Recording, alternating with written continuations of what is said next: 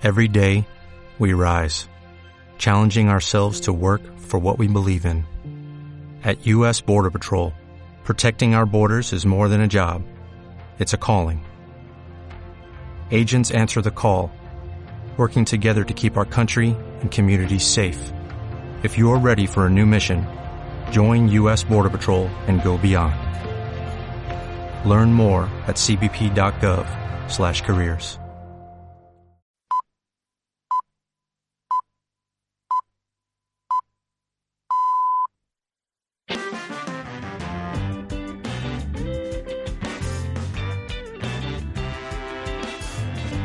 Escoltes Ona Mediterrani, des de la 88.8 de la freqüència modulada.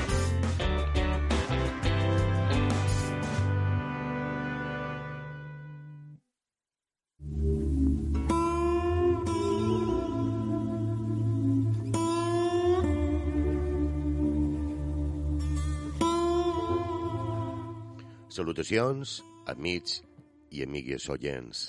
Vos saluda Antoni Monam.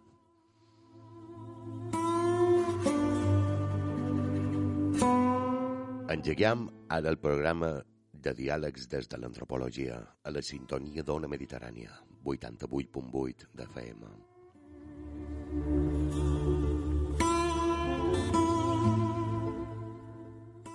Un programa social i cultural de debats de 60 minuts de durada vists des del vidre de l'òptica antropològica.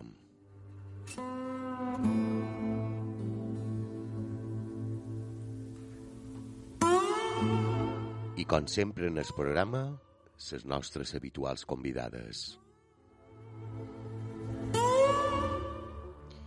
Pilar Ribas Maura, il·lustradora i escritora de contes infantils estudiant del grau d'Antropologia, coordinadora dels grups del programa Diàlegs des de l'Antropologia.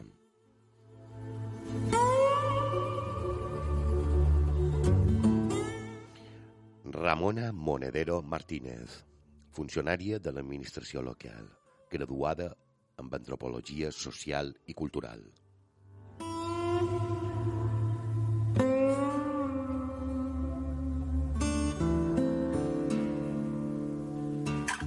Cecília Pedret Massanat, professora i llicenciada en Antropologia Social i Cultural, màster internacional d'Estudis Contemporanis d'Amèrica Llatina i màsters d'Estudis Amerindis.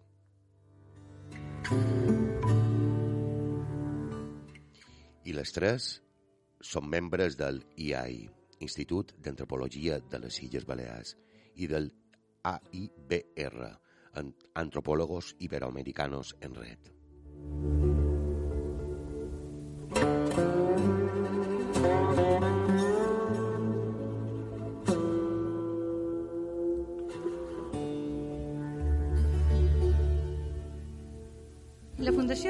Neix de l'interès i la preocupació d'un grup de professionals dedicats a la infància que valorava la necessitat d'actuar i erradicar l'abús sexual a menors a les Illes Balears se va constituir formalment en gener de 2006 eh, per la doña Beatriz Homberg. Té com a missió social donar bou als nins i a les nines joves que pateixen en silenci l'abús sexual. Per aconseguir els seus objectius de prevenció i actuació en els casos d'abús sexual, realitzen tallers, xerrades informatives, cuentacuentos... Avui tenim com a convidades Ana Beatriz Benavente, psicòloga, que dus tractaments psicològics de persones adultes que van ser víctimes d'abús sexual en la seva infància i adolescència i els programes de prevenció. I na Patricia Raduan, que és educadora social, s'encarrega dels programes de prevenció. Benvinguda, Patricia. Hola, buenas tardes. Benvinguda, Beatriz. Hola, buenas tardes, Pilar. Que nos podríeu ja explicar què és la Fundació Rana? Bueno, la Fundación eh, Rana nace con la intención de, de prevenir ¿no? el abuso sexual. Eh, sabemos que, que bueno que, que, el abuso sexual muchas veces no se puede evitar, ¿no? que cuando se detecta es cuando el caso ya ha ocurrido, ¿no? Pero el trabajo que nos hemos propuesto es de que si es que esto ha ocurrido, detectarlo cuanto antes y actuar de manera adecuada, ¿no? Y para esto, pues es que tenemos estos programas, que decías charlas informativas a familias, eh, cuentacuentos para los más pequeños, para darles herramientas a ellos para hablar del abuso, cosas que, iremos comentando, ¿no? Pero el, el, objetivo principal es eh, lograr que disminuyan las cifras, ¿no? De, del abuso, que son cifras muy altas. Dins aquest objectiu hi ha una labor preventiva i també uh, de part de teràpia, no és així? Sí. Uh, qui, qui, mm, quina, en què consisteix aquesta labor preventiva? Una mica, si mos voleu explicar. Sí, y también eh, la terapia. Sí, la parte yo creo que de prevención, ahora como, como estaba diciendo Dovea, es eh, tanto por un lado en dar a conocer esta una problemática que realmente tenemos muchísimo más cerca de, de lo que pensamos. Y, da miedo hablar y creo que el, darle esa visibilidad, dar a eh, enseñar tanto a los niños y las niñas, a los, a los adolescentes, que es un, un, problema, un tipo de maltrato con el que se pueden encontrar y, darles voz también para, para ellos entenderlos, para saber qué herramientas pueden tener por si alguna vez tienen que decir que no o tienen que, que pedir ayuda. Y también a las familias, yo creo. Las familias, eh, siempre lo, lo, comentábamos que muchas veces sabemos, yo creo que a día de hoy todos sabemos que el abuso existe, pero el pensar que puede pasar dentro de casa eh, es difícil. Es difícil de, de, llegarnos a poner en situación y esto dificulta mucho a veces el, el llegar a las, a las familias. Si de fet has parlat de que hi ha una por a parlar, a qui te refereixes? Qui té por a parlar? Les famílies, les víctimes? És a dir, estem parlant aquí de tabús, pors, eh, quins sentiments, o sigui, què, què li revolta? Què, què és el que en revolta en aquesta problemàtica a nivell de ser víctima, familiars, abusadors? Yo creo que, que, de hecho, lo has nombrado todo, porque creo que el, que el miedo eh, está alrededor de todo lo que es el abuso sexual. Una, una gran parte porque hablamos de algo que tiene que ver con la sexualidad y históricamente es un tema tabú en nuestra sociedad. Eh, diría que a día de hoy aún sigue siéndolo, porque nosotros cuando vamos con, con los niños y las niñas siguen teniendo vergüenza de, de hablar de, de según qué cosas que luego ves que normalizan pero también miedo en, en la familia, porque eh, realmente cuando hablamos de los abusos sexuales, estos abusos muchas veces eh, ocurren dentro de un entorno eh, cercano, de confianza del niño y la niña. Entonces también cuando esto, por ejemplo, ocurre dentro de la familia, que me preguntabas pues si la familia también tiene miedo, también es romper con, con, ese mito de familia feliz, de que esto no puede suceder dentro de, de mi familia y, y, y, también sufre una crisis a nivel familiar si esto ocurre dentro. Y yo creo que un poco el estigma, ¿no? De, uh -huh. de alguien que, que ha sufrido un abuso también, también pesa. Sí, ve ser un estigma social també, uh -huh. perquè tot el que transcendeix no, en revolta en aquest tabú també. O sigui, el que passa de portes cap a de dins també està afectat per aquesta... No? Què passa quan hi ha un nen que, que ha patit una, una, un abús sexual, ho diu a sa família, segurament tarda molt en dir les coses, el moment, i si tarda, ¿Qué pasa? ¿Por qué es que muchas veces fan que ya los niños? Bueno, muchas veces porque hablamos, ¿no? Todo lo que envuelve al abuso, ¿no? Está el miedo, pero también está el sentimiento de culpa y está la vergüenza, que, que lo pueden sentir tanto la víctima como la familia, ¿no?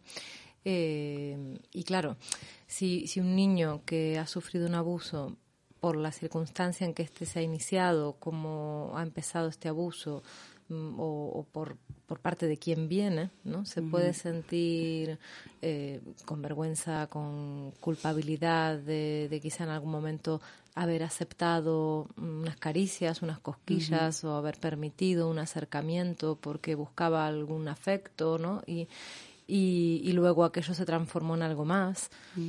Y el menor en ese momento, cuando descubre qué es lo que está pasando, pues se siente cómplice, ¿no? Se siente que también ha formado parte de, aquel abuso. Y esto le lleva a, callar, ¿no? A no, a no decirlo. Y es lo que ocurre en, la mayoría de los casos, ¿no? Que el menor lo calla, no lo dice al momento y, lo dice años después. Mm, a veces cuando todavía es menor de edad y otras veces en la edad adulta, ¿no? Eh, cuando un menor lo dice en el momento también hay una parte importante que es la de creerle, escuchar lo que nos está diciendo primero y creer a ese menor. Abans d'anar a l'associació, a l'associació, perdoneu, uh, aquí ho diu, o sigui, quines són les persones que poden ser interlocutores perquè en un moment donat el menor o ja l'adult s'obri o venen directament a l'associació sense haver eh, parlat amb ningú encara. A la asociación te Sí, refieres. sí. Es que a la asociación no, no, no atendemos menores, ¿no? Entonces, claro, eh, nosotros lo que hacemos son actividades de prevención con menores en las escuelas. Y sí que puede ser que ahí, ¿no? Mm, Patri tiene más experiencia en esto, pues en aquel momento haya algún menor que eh, revele o que confirme que esto le está sucediendo en su casa. Entonces, estos son casos como puntuales. Nosotros atendemos a adultos que han sufrido abuso sexual en la infancia y que necesitan terapia, esta es la intervención más directa que, que tenemos, y luego eh, sí que asesoramos a familias que estén pasando por una situación actual con un menor y tengan sospechas de un caso de abuso y nos consultan para, para saber si esto que está ocurriendo o lo que el niño o la niña le ha dicho es posible que se refiera a un abuso sexual o no, y asesorarles un poco y orientarles dónde es que tiene que hacer la comunicación del caso. Bé.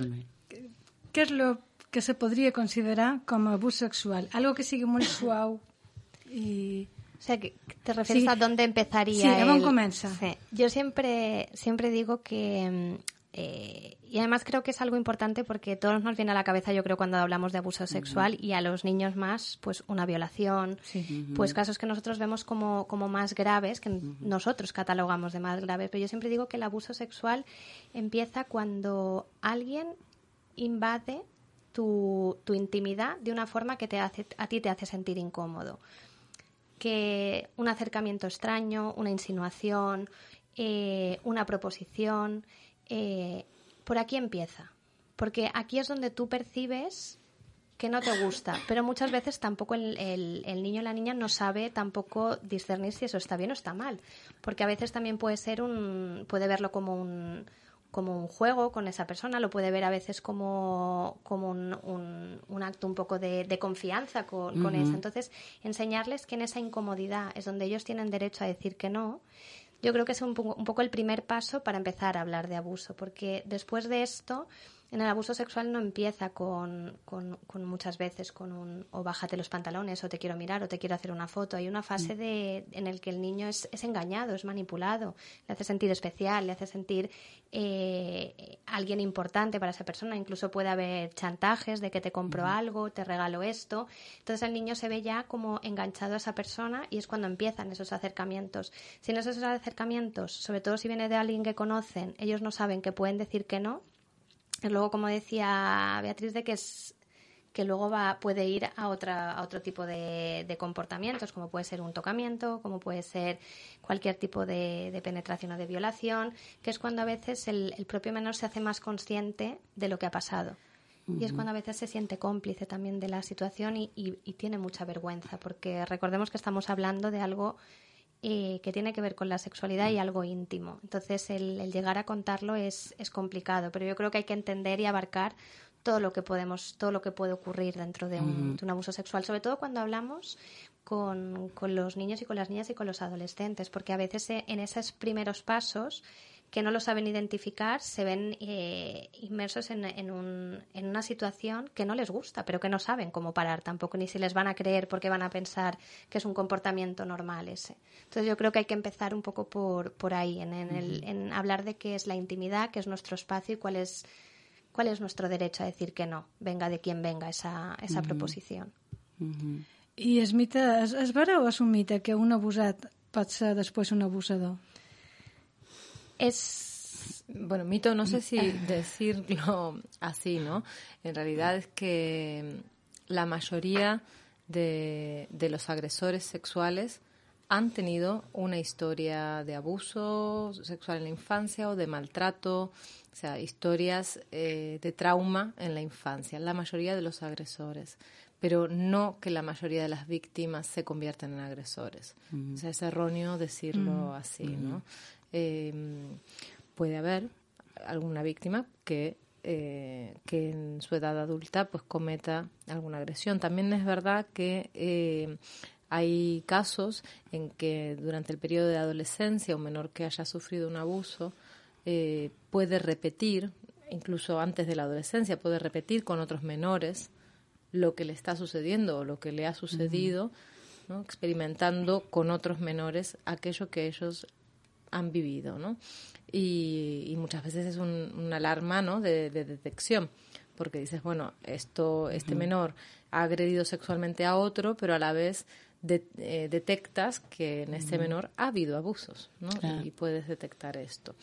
Però bueno, no és en la majoria de los casos. Clar, això és important per lo que heu xerrat abans de la feina a les escoles, per exemple, i en les famílies, mm. indicadors per poder detectar, perquè eh, l'abús eh, sexual, l'abús en els nins, deu derivar també pens, amb altres trastorns associats, com pot ser una pèrdua d'autoestima o no ho sé. Mm. Uh, hi ha altres indicadors, canvis en la conducta que puguin sí, ser indicadors sobre todo esto, ¿no? Cambios en la conducta, ¿no? Eh, claro, no hay, no hay un síndrome de, niño abusado, no hay unos indicadores que sean totalmente exclusivos del abuso, ¿no? Muchas veces lo que nosotros a los profesionales siempre les decimos en las formaciones que hacemos es que tenemos que contemplar dentro de todas las hipótesis que, que tenemos respecto de qué le puede estar pasando a aquel niño o a aquella niña, que vemos que está triste, que está aislado o que ha cambiado su comportamiento o que ahora está agresivo, o que, qué le pasa entre todo lo que le puede pasar, que puede pasar desde em, situación de, violencia en casa o situación de em, cambio de domicilio o cambio de país, ¿no? una circunstancia nueva en la que sufre estrés o eh, otras sintomatologías que pueda haber, o sea, sobre alguna enfermedad ¿no? que tenga el menor o que esté pasando su madre, algún familiar, que también pensemos, y si está sufriendo un abuso es que nunca vamos a pensar esto, no lo pensamos, no lo incorporamos ¿no? dentro de todas las hipótesis antes vamos a decir mm, muchas otras eh, sintomatologías en un niño antes de pensar que pueda estar siendo víctima de abuso, ¿no? Entonces, claro, si nosotros algo nos está llamando la atención de este menor, nos hace una alarma, pues ver si aquello es compatible o no con una posibilidad de abuso. Por ejemplo, si el menor tiene un comportamiento sexualizado que no corresponde a su edad, ¿no? que vemos que es un comportamiento precoz, que repite una conducta sexual de un adulto en una edad en la que no debería tener esta información o un lenguaje sexual verbalizado no solo a nivel sexual, sino también antes decía el aislamiento o conductas disruptivas, agresivas en niños que no lo eran, ¿no? Eh, fracaso escolar, muchas veces está asociado, niños que están viviendo una situación eh, de abuso sexual y, pongámonos un momento ¿no? en, esa, en mm. la piel ¿no? Mm. de este niño, en, la circunstancia de que está viviendo algo que tiene que ocultar, porque ellos sienten que esto es algo que no lo tiene que saber nadie, por lo que hablábamos antes, el miedo, la vergüenza, la culpa. Por tanto, hace un esfuerzo para que aquello no se note, que nadie sepa por lo que está pasando. Entonces, si mi, mi, cerebro está concentrándose en que nadie sepa esto, que no lo noten, además en no recordarlo, en no ponerme mal por esto, porque tengo que actuar como si no pasara, pues realmente mi atención no va a estar en las matemáticas que me está enseñando el profe ni en, en la literatura. Pues posiblemente note pues que ha bajado el rendimiento escolar, más desatención, aislamiento, ¿no? que no se relaciona igual con, los iguales, que, ha cambiado su manera de relacionarse, pues son indicadores. ¿Solo de abuso sexual? No, pero pongamos sobre la mesa que dentro de todas aquellas posibilidades también entre la sospecha de que aquí puede haber abuso. ¿Y vosaltres feu terapia amb adults? Quan... Bé, fas teràpia amb adults. Què, què, què passa per el cap d'una persona que, que aguanta tant d'anys i espera ser adult per, per demanar ajuda? Mm -hmm. Bueno, más que que ese de repente piensen que ahora voy a pedir ayuda, ¿no? Mm, es más bien una situación que les lleva a pedir esa, esa ayuda, ¿no? Que posiblemente tenga que ver con, con la situación actual que se encuentre con su pareja o que mm, sea la maternidad o paternidad o que los niños alcancen una edad similar a la que ellos han sufrido abusos o, que el, el, agresor esté cercano a su familia, ¿no?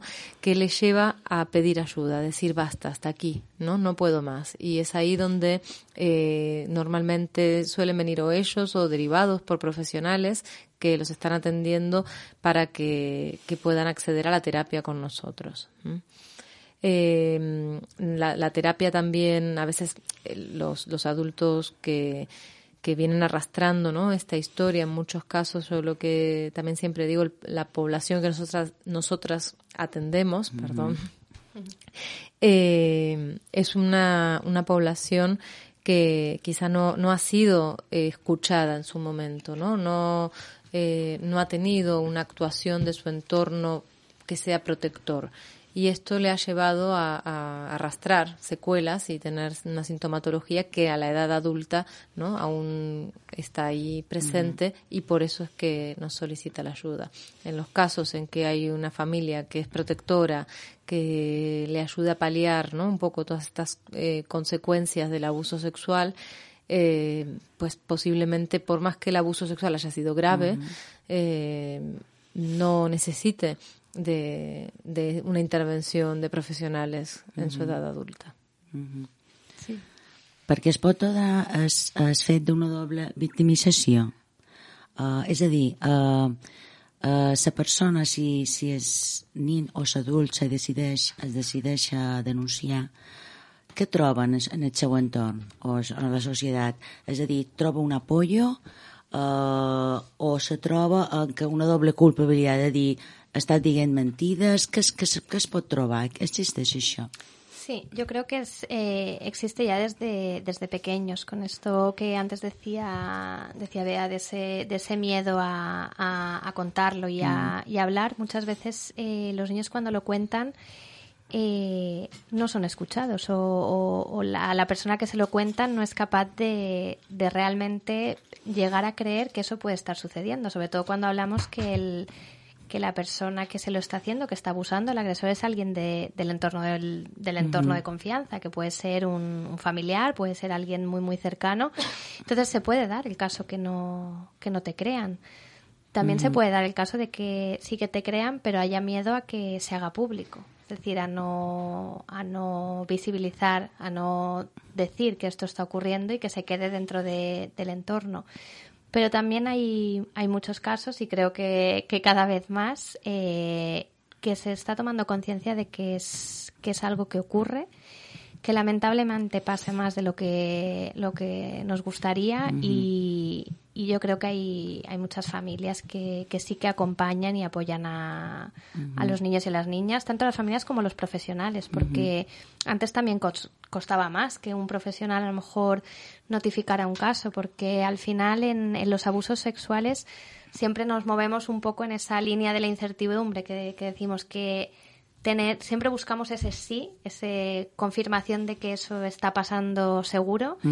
Y, y, no somos jueces, no somos policías, lo que tenemos que hacer es, es escuchar y, y observar y, y, entender por qué está pasando este niño o la niña. Bé, si us pareix ara posant publicitat i continuem xerrant d'aquí un momentet.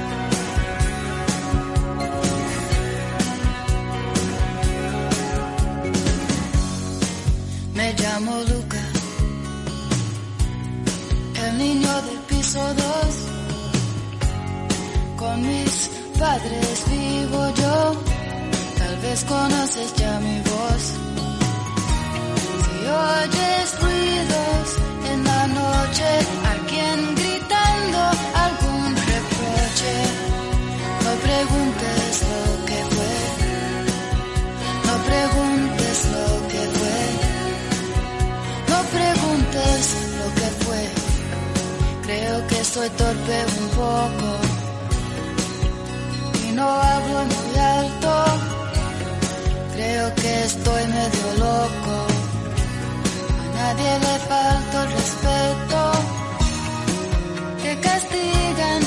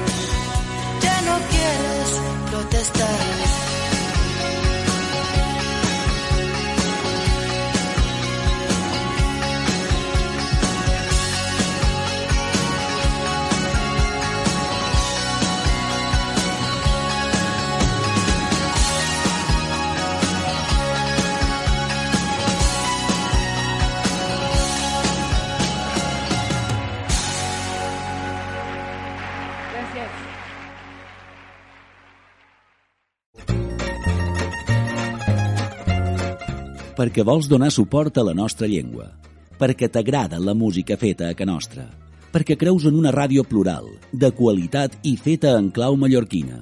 Anuncia't a Ona Mediterrània. Donen suport i ajuda a fer créixer la teva empresa. Ens avalen prop de mil socis. Informa't sobre com posar un anunci a Ona a la web onamediterrània.cat. Recorda, onamediterrània.cat. Tu fas Ona.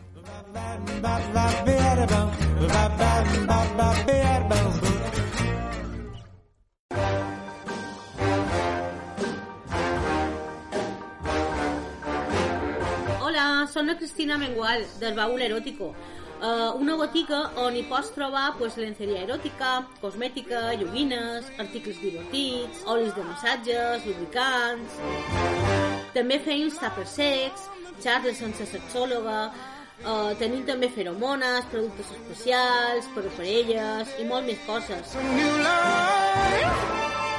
Uh, vine i en coneixeràs. Estem en el carrer Francesc de Borja Moll, número 10, de Palma, i el telèfon és el 871 949 050. Si me vol deixar un WhatsApp, me pots trobar en el 665 916 545.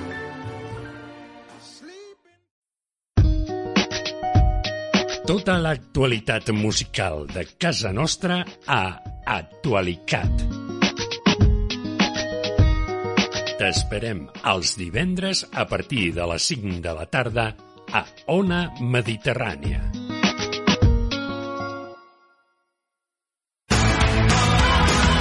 Inaugura el cap de setmana amb nosaltres el Som Divendres. Bon humor, diversió, reflexions, moda, cerveses, mojitos, bon menjar... Veniu, que passarem una bona estona.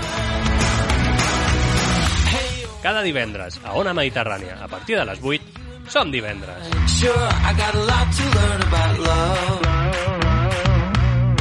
Som Divendres, el programa que inaugura el cap de setmana. A Tirme ens hem compromès a que la Milana Reial no deixi de volar a Mallorca. I per això estem col·laborant amb la Fundació Natura Park en un projecte conjunt per a la protecció d'aquesta bella au que es troba en perill d'extinció a Balears. La Fundació Natura Park, amb la col·laboració de Tirme, està estudiant la seva cria en captivitat i realitza un seguiment de la Milana al seu hàbitat natural. Tirme, compromesos amb aquesta terra. A Ona Mediterrània necessitem el teu suport per seguir fent ràdio. Visita la pàgina web onamediterrània.cat i fes-te soci. Obtendràs descomptes en cinema, restaurants i també formaràs part de la nostra gran família.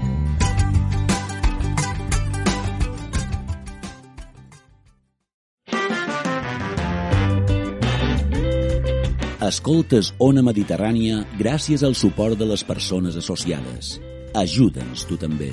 Associa't. Fes créixer Ona Mediterrània. Ona Mediterrània.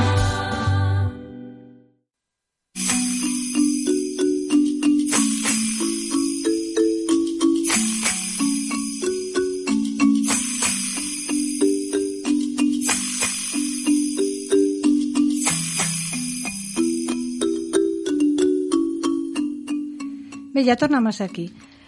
Patricia, t'hauria de demanar si els nins tenen por de rompre la família si xerren, de que se quedin sense veure un, un el predí abusat i la predina l'estima molt i té por de, de no tornar-la a veure mai més. Passen aquestes coses? Sí, total. De hecho, yo creo que es eh, uno de los eh, grandes miedos que tienen cuando, cuando a veces hablamos de por qué creemos que un niño o una niña no lo cuenta cuando le está pasando y su miedo es ese miedo a esas consecuencias, Mm. esa incertidumbre de qué va a pasar, ¿Qué, ¿Qué va a pensar mi familia? ¿Qué va a pasar? ¿Se van a enfadar? ¿No voy a volver a ver a, a mi abuelo, a mi abuela? ¿No voy a volver a ver a, a mi padre? ¿No voy a volver...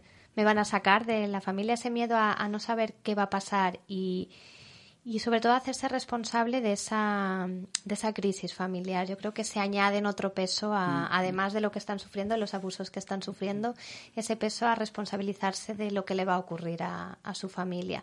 Cuando realmente el que tendríamos que mirar y, y cuidar es a, Clar. a ese niño que, Sí. que está sufriendo, pero a veces incluso ellos se ponen ese, ese peso. Clar, ell s'enf- s'enfronta també, el nin o la nina se pot enfrontar en el problema que hem xerrat abans de uh, la culpa de o, he, o podria haver evitat i amb això la culpa de i si, i si romp la meva família és a dir, vull dir, és un problema vull, és complicat eh? Es complicado Es complicado. porque además eh, antes lo decía Bea lo de que hay, hay una parte que, que no está en manos de, de los niños el poder evitar un, un abuso. Podemos ayudarles a, a, a tener herramientas, a, a que entiendan que pueden decir que no, pero hay esa parte que, que ellos no, no, no está en su mano y aún así se sienten cómplices de esa situación porque al final han, muchas veces ha habido esa manipulación y, y ese abuso de confianza a veces que, que se da que hace que ellos no, no sepan si realmente son culpables de, de lo que está pasando cuando Claro. nunca lo son. Además, si pensamos en, en niños pequeños, ¿no? Y si el abuso viene por parte de un familiar cercano, eh, también hay un vínculo con ese familiar, ¿no? Puede estar un vínculo que es muy positivo. Puede que ese abuelo o ese padrino, la- el tío, la tía, porque también hay mujeres abusadoras, eh, sea la persona que le daba cariño. Y, y ese niño, esa niña se acercaba a esta figura por el cariño que le daba. Y, Ujú. y- que y de dentro de ese vínculo de cariño, pues también ocurrían los abusos. Entonces, a veces hay relatos que te dicen es que yo le quería, no me gustaba que me hiciera esto, pero yo le quería. Y no tenemos que olvidarnos al momento de, de- después que hay, cuando hay una denuncia, ¿no? O cuando se aparta la familia de, de la parte agresora y tal, pues que pierden ese vínculo que tenían también bueno, ¿no? Entonces es todo un tema que hay que trabajarlo con el menor en ese momento. ¿no? que els vincles, eh, l'unitat familiar, l'estabilitat familiar, una sèrie de qüestions que se poden veure afectades formen part important de la vida de- d'una persona en aquesta edat, que a més no té encara els criteris o de que te dona l'edat adulta per saber enfocar els problemes, no? Perdre tot això és perdre també Sí. una part important. És complicat, sí. És que pareix que ha de ser molt dur, per exemple, ara un, un, un nin que son pare abusa i, i arriba un moment que, clar, si se romp la família, tots els altres germans poden culpabilitzar en, en, en aquest germà que és, que és, abusat. Sí, sí, esto eh, pasa, no digo que en todas las familias, pero pasa porque, claro, si, si los otros hermanos han tenido un buen vínculo con este padre y de ellos no ha abusado, eh, muchas veces pueden no creer al hermano que está diciendo esto, pueden, ¿qué es lo que pasa a veces cuando eh, tienes a esta madre que no cree a su hija cuando dice el abuelo me ha tocado? Y dice, pero claro, mm, pensemos en una madre que ha tenido un buen vínculo con su padre, que nunca ha abusado de ella y que su hija le dice que, que sí, que el abuelo la ha tocado. Es difícil de creer, ¿no? Ponerse en ese sitio. Pero es fundamental creerle. Sí. Mm -hmm. Anem a parlar, idò, de, com que això és una lacra social, és mm -hmm. tan trist, de prevenció. Com, com, com es pot prevenir? Tant a nivell d'associació també podem parlar a nivell d'informació ciutadana, què es pot fer o què s'està fent al respecte des de, per part de vosaltres? Sí. Sí, yo creo que hay esa, esa gran diferencia que estabas diciendo, un poco eso, esa prevención más enfocada, a, más directa, tanto a los niños y a las niñas como, mm. como familias y profesionales, donde lo que intentamos, eh, lo decíamos al principio, es por un lado el, el poder detectar, es decir, esa detección temprana de poder decir, pues voy a contarlo o, o, o que un profesional sepa que, que puede estar ocurriendo y pueda derivarlo.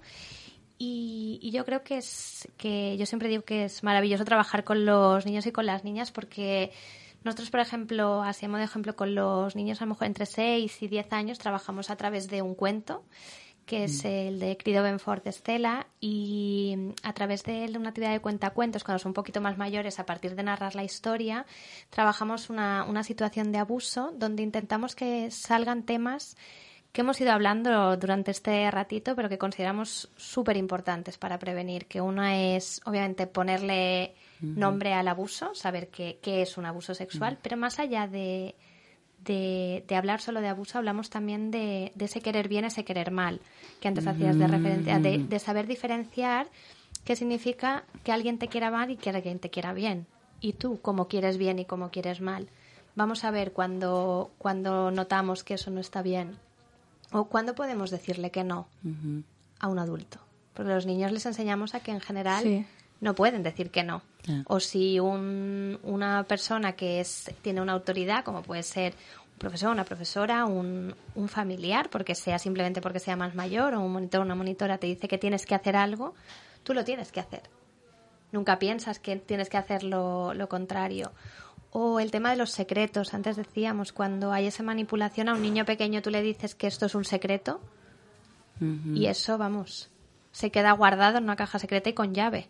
No, no uh -huh. entra nadie. Entonces entender cuáles son esos secretos que te hacen daño y que no te hacen y que y los que sí que son buenos, pues todo esto a través del cuento vamos sacando esas, uh -huh. esas pinceladas de, de aspectos como estos que, que creemos que son primordiales para, para, prevenir el abuso. Y a veces no hace falta estar hablando de qué es un abuso, ponerle nombre a eso de uh -huh. que te toquen, que te violen, que, sino hablar de otras muchas cosas que hacen que ellos sepan eh, identificar y qué, qué, es una situación que está bien y qué es una situación uh -huh. que está mal para sobre todo con los chiquitines cuando ya son un poco más mayores sí que ya entra en juego pues el, ellos ya conocen mucho más eh, lo que pasa es que nunca han hablado pero quieren que, uh -huh. que, les hables muchas veces.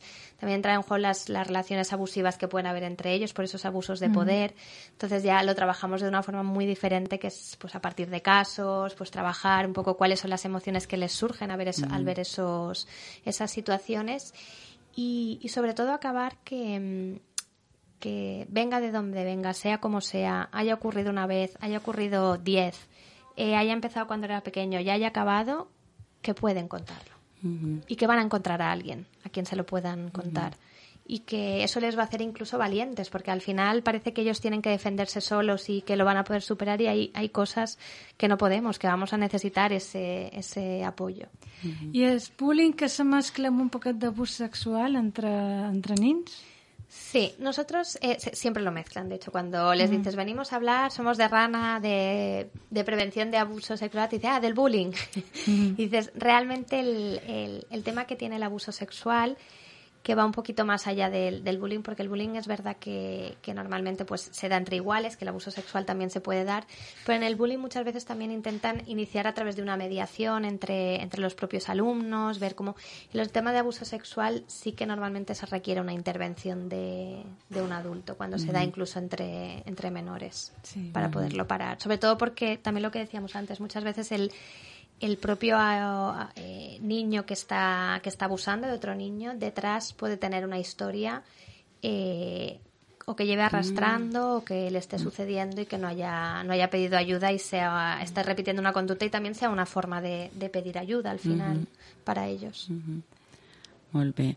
I de- d'un- d'unes eines en els nins, seria la part, diguéssim, preventiva, eh, de, de veure de que ells puguin identificar situacions i això ajuda a prevenir, és Mhm. així. Després hi ha una labor ja més a l'edat adulta, entenc jo, no? que és perquè quan se decideix la persona adulta que no ha parlat mai eh, que ara per, que tu deies abans Bea, que ara se- se'n parla més això és degut a que ja s'habla més en societat, que hi ha campanyes, hi ha programes, eh, o no? O Sí, s'està jo- fent eh, cosa? Què, què s'està fent es una al mezcla, respecte? ¿no? De, de ambas cosas. Una, o sea, creo que va todo ligado. Obviamente, primero, para nosotros poder llegar a los colegios, eh, no ha sido llegar y que nos, Nos abran las nos puertas. abran las puertas. Ha sido un proceso en el que había que aceptar que era algo que ocurría y yo creo que para aceptar una parte importante era Las sensibilizar. campañas, las campañas campañas, ver que, que es algo que existe.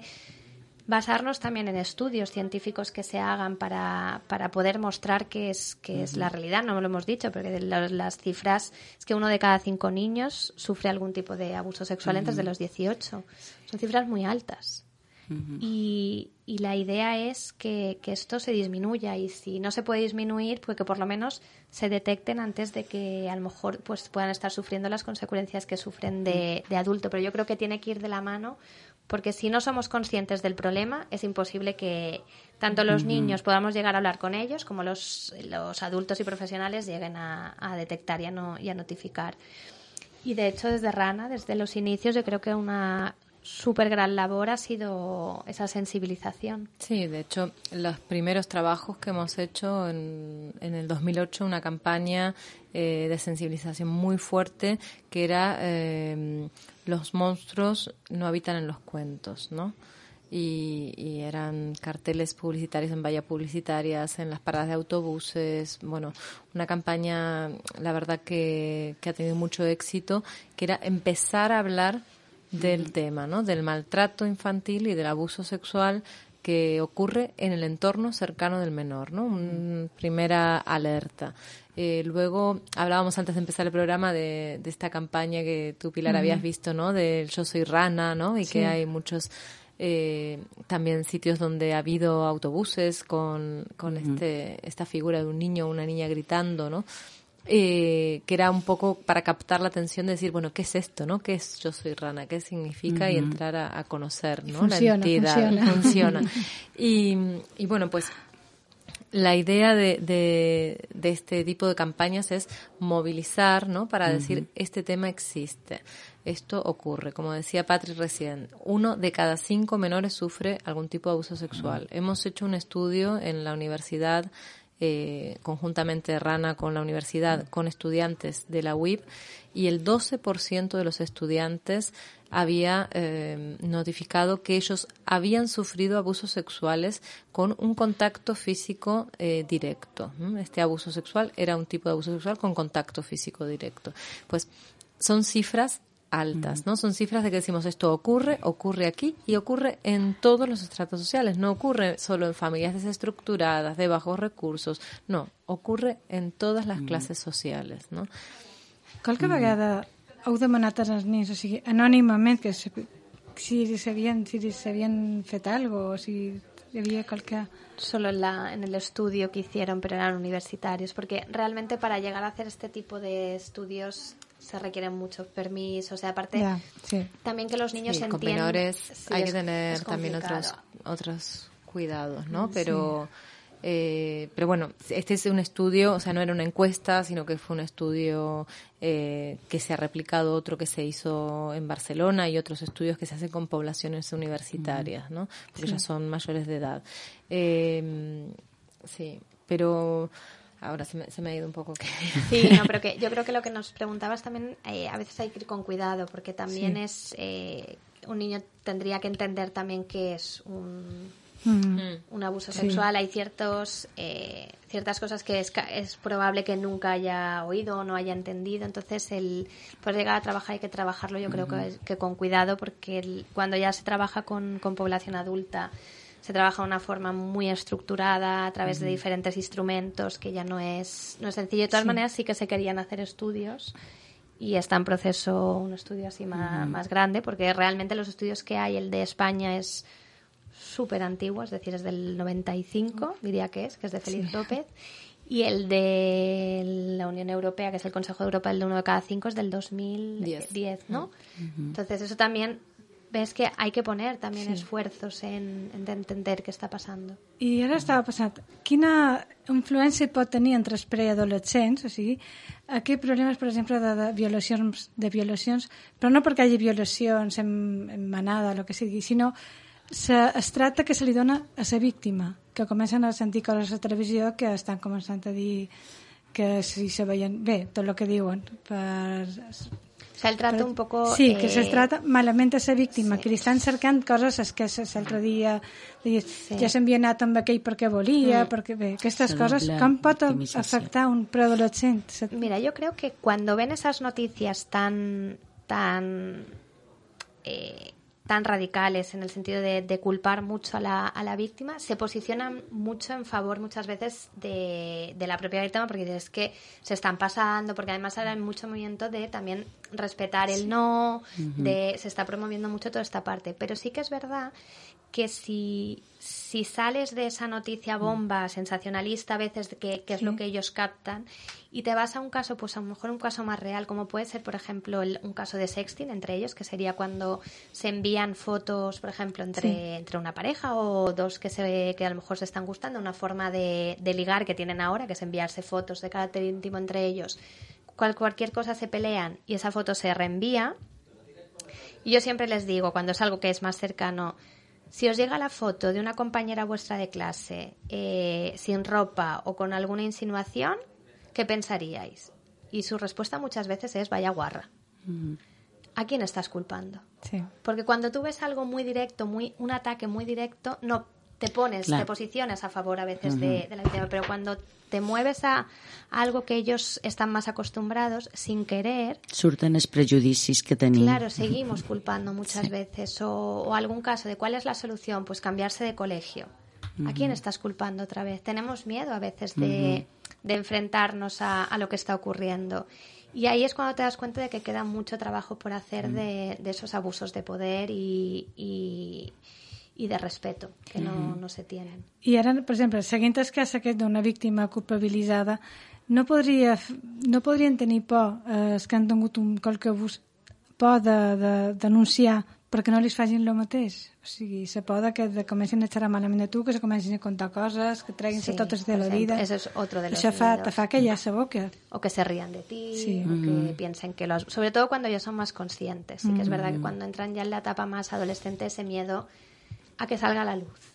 Muchas Ujú. veces sí que a- hace poquito aquí en, en Baleares quien hace, la, hace las valoraciones es, un, es la UBASI, que es quien, quien se encarga cuando hay un caso de abuso, y nos decían que, que había habido un aumento de, de verbalizaciones, de notificaciones de, de la etapa adolescente que eso también eh, tiene ese- esa vertiente positiva porque puede ser que muchos de estos adolescentes ahora lo estén empezando a decir o se atrevan a, Ujú. a- a contarlo.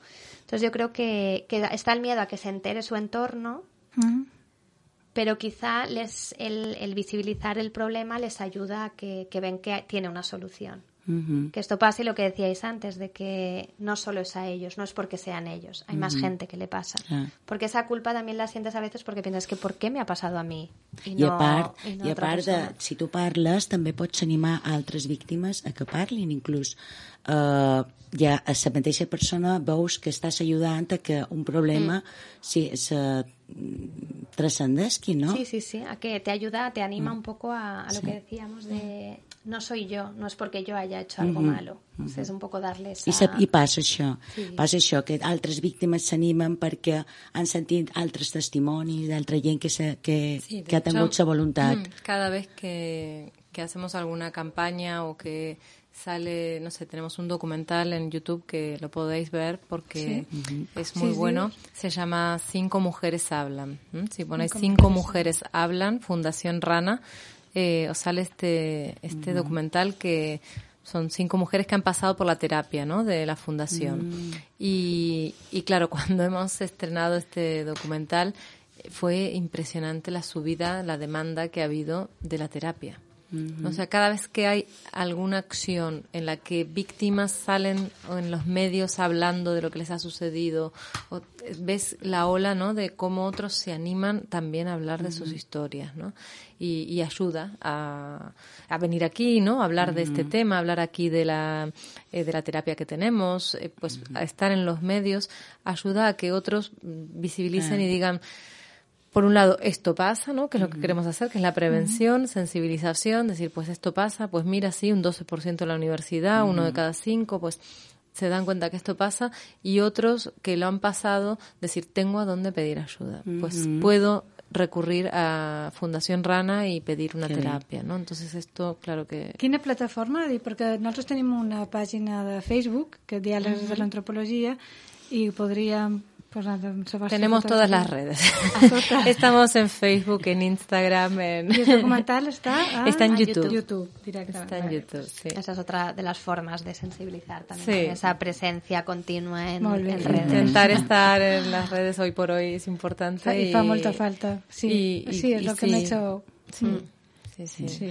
I aquestes persones que s'han animat a fer un documental, Mhm. a part de ja que han passat suport la teràpia i l'efecte curativa de la mateixa teràpia, és una espècie d'activisme, és a dir, del si Claro. deu so- pegar un, veuen que estan fent una labor deuen ser també superpositiu per ser víctima, no? Para ellas es una transformación, porque Claro. es de estar en un lugar de víctima a ser ¿no? activo en, en la prevención. Estoy activo haciendo algo para que esto deje de ocurrir, para que a otros no le pase lo que me ha pasado a mí, ¿no? Entonces, cuando dan su testimonio, lo hacen desde este lugar, ¿no? Sabiendo que a veces con, con muy doloroso, ¿no? Porque eh, eh, no deja de ser exponerte, no deja de ser, ¿no? Dejar que algo que es íntimo y privado sea público, pero lo hacen a favor de que otras personas puedan sentirse ayudadas. ¿no? Y, y, de hecho eh, lo vemos, ¿no? Que luego se acercan a la fundación de otra manera, ¿no? Dicen, nos agradecen el haberles dado esa, esa posibilidad, ¿no? De tener ese papel activo. Mm. I és, de, canviant un poquet de tema, doncs això, com és la vida sexual d'un abusat? No, no, no té, pro, Pues té, pro, té qualque sí. És- l'afecta molt per la seva vida normal. Es una pregunta un poco. Mm. Eh, sí, porque, a ver, un poco mm, complicada porque cada persona es tan diferente, ¿no? Y Ya. cada cada Sí. persona eh, puede afectar en su vida en distintos aspectos, ¿no? Un abuso sexual no porque sea sexual va a afectar la sexualidad, a otros les afecta desde una depresión, eh, ¿no? Hablando en sintomatología de adulto, ¿no? Eh, pero, pero claro que muchas veces nos encontramos también que la parte de la sexualidad está afectada. Y está afectada de distintas maneras, desde eh, lo, lo afectivo en la relación de vínculo, está afectada por eh, porque no hay posibilidades a veces de, de mantener una relación sexual satisfactoria o en algunos casos porque hay como una compulsión al acto sexual, o Ujú. sea, es tan variado porque claro, todos somos diferentes, ¿no? Nosotros todos nos pasa diferente y todos vivimos la Ujú. sexualidad también de una manera diferente. Entonces, si ha habido un daño en su autoestima, un daño en, en la persona a edades tempranas, ¿no? Que le ha llevado ciertas secuelas, pues una de esas puede ser la sexualidad también. Mm. Perquè estem parlant, clar, de... això és una disfunció. Uh, clar, nosaltres quan parlam, per exemple, de denunciar, eh, els abusos, pues, eh, és de, la persona abusadora s'enfrenta pues, a un codi penal que li pot penalitzar, però també eh, hi ha és la part de que estem parlant de que hi ha una disfunció que Ventura ha de menester tractar-se, no ho sé. Una persona eh, que no té una disfunció de cap tipus és complicat imaginar-la com a abusadora, saps? Però bueno, és un camp, això, ja més... Ahora me he eh, perdido Ventura. un Sí, poco porque me, yo estaba hablando de la víctima. ¿eh? Ah, perdona, perdona, pues... Me preguntabas, me preguntabas de la víctima, sí, ¿verdad? sí, sí, sí. Vale, vale, vale. Pues... ah, No, bé, jo tenia com a més preguntes, però també m'he perdut un poquet en lo de les Sí, víctimes. sí. Jo, pues, jo he entès des del principi que estàvem parlant de, del perfil de l'abusador, claro. No, no, no. Per no, això estàvem que... parlant de, de la víctima, claro, jo també Sí, l'estava sí. escoltant. Ah, sí. Si us pareix molt bé, doncs moltes gràcies per, a, per haver vengut i per estar aquí amb nosaltres. Eh, I bé, ara posarem una música i bé, moltes gràcies. Gracias a, a vosotras por la oportunidad también. Sí, gracias. Buenas noches. Y disculpa.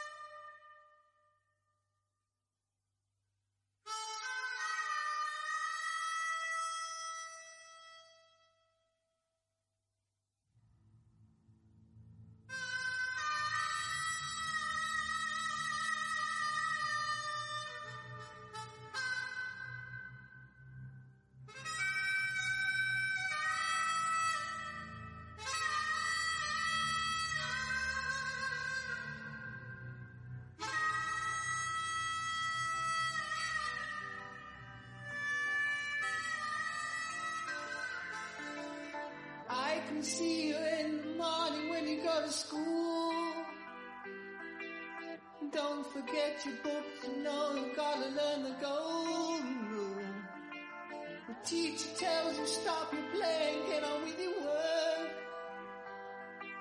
And be like Johnny Too Good, don't you know he never shirks. He's coming along.